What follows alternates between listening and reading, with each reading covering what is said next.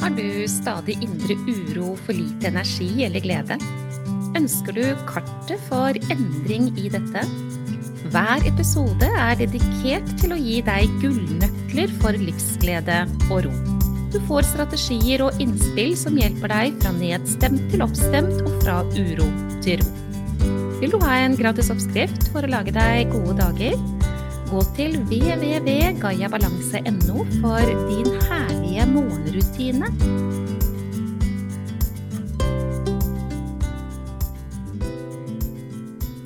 Denne episoden skal handle om hvordan kroppen din og min og kroppen til alle mennesker hele tiden driver og snakker med oss.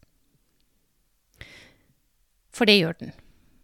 Det er sånn at kroppen vår, både i forhold til fysisk kropp, men også våre følelser og våre tanker, hele tiden egentlig har beskjed til oss. Og vet du hva?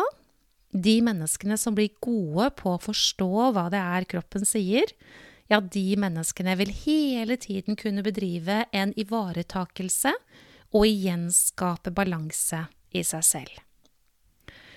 Nå prøver ikke jeg å sitte her og snakke med deg og si at det her er veldig enkelt. det er det ikke. Um, og én ting som er helt nødvendig, i hvert fall, det er kunnskap som kilde til forståelse og innsikt. Så jeg har rett og slett tenkt til å bruke noen minutter nå av min tid på å snakke med deg om det her. Fordi jeg vet jo av erfaring i møte med svært mange mennesker og 11 000 samtaletimer og hva det nå enn er jeg driver med, at eh, mennesker de har ulike symptomer som de overhodet ikke forstår at er språk fra en selv til en selv, og med det så kan de heller ikke ta noen andre valg eller noen grep som skulle føre til en endring i dette. Jeg har, jeg har lyst til å, å komme med en, en, egen erfaring, som egentlig er et veldig godt utgangspunkt for dette temaet som jeg vil snakke litt om. Og det er at en gang i mitt liv um, Jeg har jo fortalt deg at jeg var veldig syk av stress, og at jeg uh, landet i sengen og var der et halvt års tid og sånn, men før det der, eh, sånn tre kvart år før jeg ikke lenger kunne gå på jobb, så hadde jeg en reaksjon som var veldig, veldig spesiell. Jeg har hatt en, en tilsvarende reaksjon en gang tidligere, og en gang etterpå. Men poenget er bare det at jeg fikk en beskjed som landet noe jeg hadde vært engstelig for eller hatt frykt for, er vel rettere sagt, i over to år. Det var en belastning i mitt liv som var veldig, veldig stor. Jeg ante ikke hvordan det kom til å gå. Jeg tenkte på dette dag og natt og fryktet hva det var som skulle skje dersom det ikke skulle ordne seg, dette. Og så etter to år omtrent, da, stående i krigsberedskap, for det er det det er, med så stor stressbelastning, så er kroppen i stressmodus, altså overlevelsesmodus hele tiden, nærmest 24-7, det er jeg ganske sikker på. Og jeg hadde jo vanvittig med smerter og alt mulig i den perioden av livet mitt. Da også. Men iallfall så kom det den beskjeden som jeg da knapt nok hadde våget å drømme om. Det var den beskjeden jeg egentlig trengte, og som jeg hadde kjempet for og skulle Altså at det måtte kunne komme, men det var ikke opp til meg. Det var opp til mennesker rundt meg for at det skulle la seg gjøre. Og så kom den telefonen. Og når jeg hadde avsluttet den telefonen, så var det sånn at bena mine knakk sammen under meg. Der hadde jeg altså fått en beskjed som eh, ja, jeg vil jo si gjorde en himmellig forskjell. Virkelig. Og det jeg hadde stått i beredskap for i over to år, det var da endelig over. Og der brister bena. Jeg landet på gulvet, helt oppløst i det jeg hadde av følelser. Det var jo et uh, kaos uten like, men selvsagt også en enorm lettelse. Og så forsto jeg jo ikke hvorfor i all verden de bena knakk sammen. Hvem kan forstå det uten kunnskap? Den gangen hadde jeg det ikke. Men bena til mennesker, de rommer all frykt.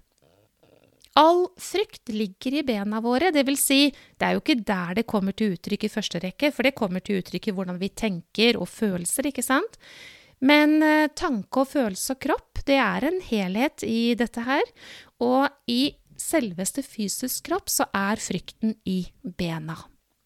Og der hadde jeg stått da på to stive ben i to år og hatt frykt, frykt, frykt, frykt, og når den frykten forsvant, for akkurat det det handlet om, så brast bena sammen.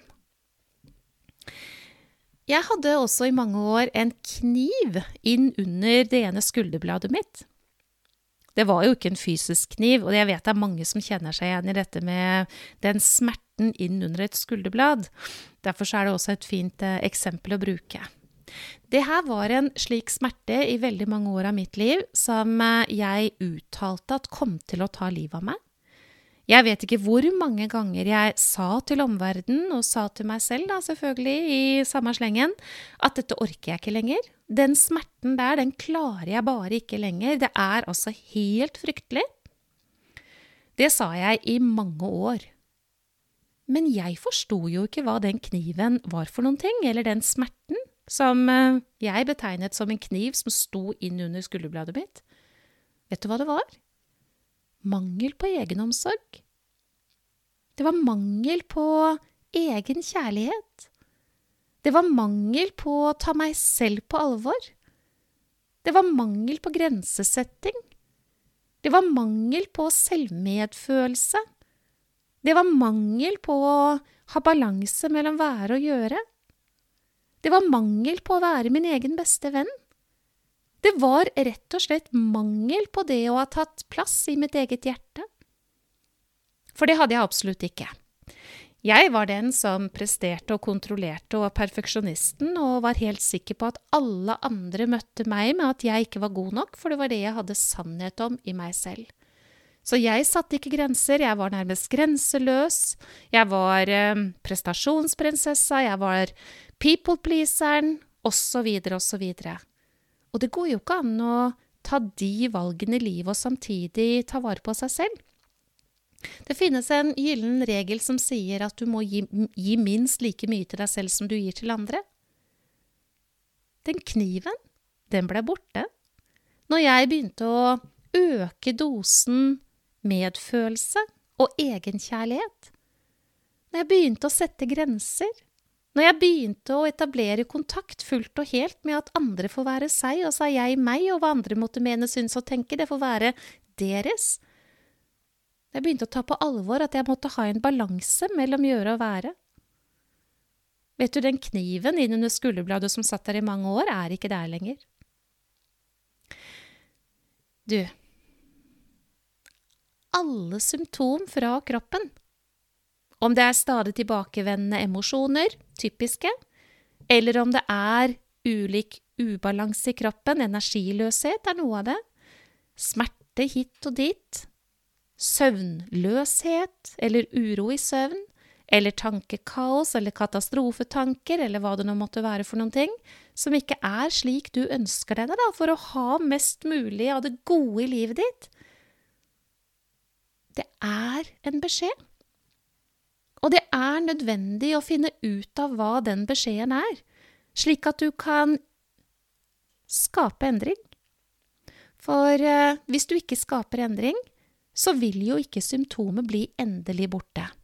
Og dette her forklarer jo også hvorfor drøssevis av behandlinger ikke fungerer. Jeg vet ikke hvor mange av dere som lytter, du som lytter akkurat nå, om du kan kjenne deg igjen i det, at uh, behandlinger, ja. Veldig fint der og da, men det var med det da at uh, symptomet kom tilbake igjen.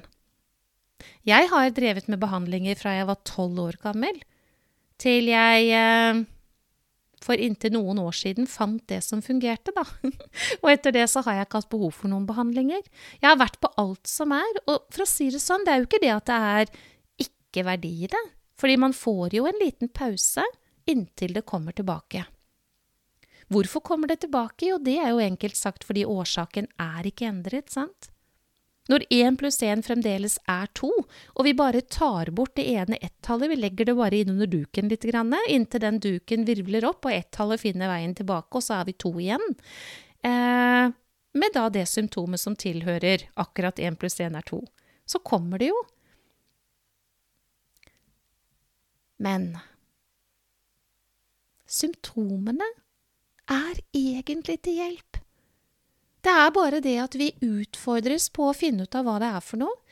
Og hvis ikke vi har muligheten til å finne ut av det på egen hånd, så er det jo veldig lurt å snakke med noen som forstår denne helheten, og som kan forklare hva det er som foregår, og hva det er som skal skje for at det kan bli på en annen måte. For kjære lytter, det er ikke et eneste symptom som ikke har en beskjed. Du bor i en helt fantastisk kropp, og sånn er det. Jeg håper du tar imot gaven min som jeg har laget til deg. Din herlige morgenrutine er den beste starten på dagen, uansett om det er slik eller sånn. Og du får den på www.gayabalanse.no.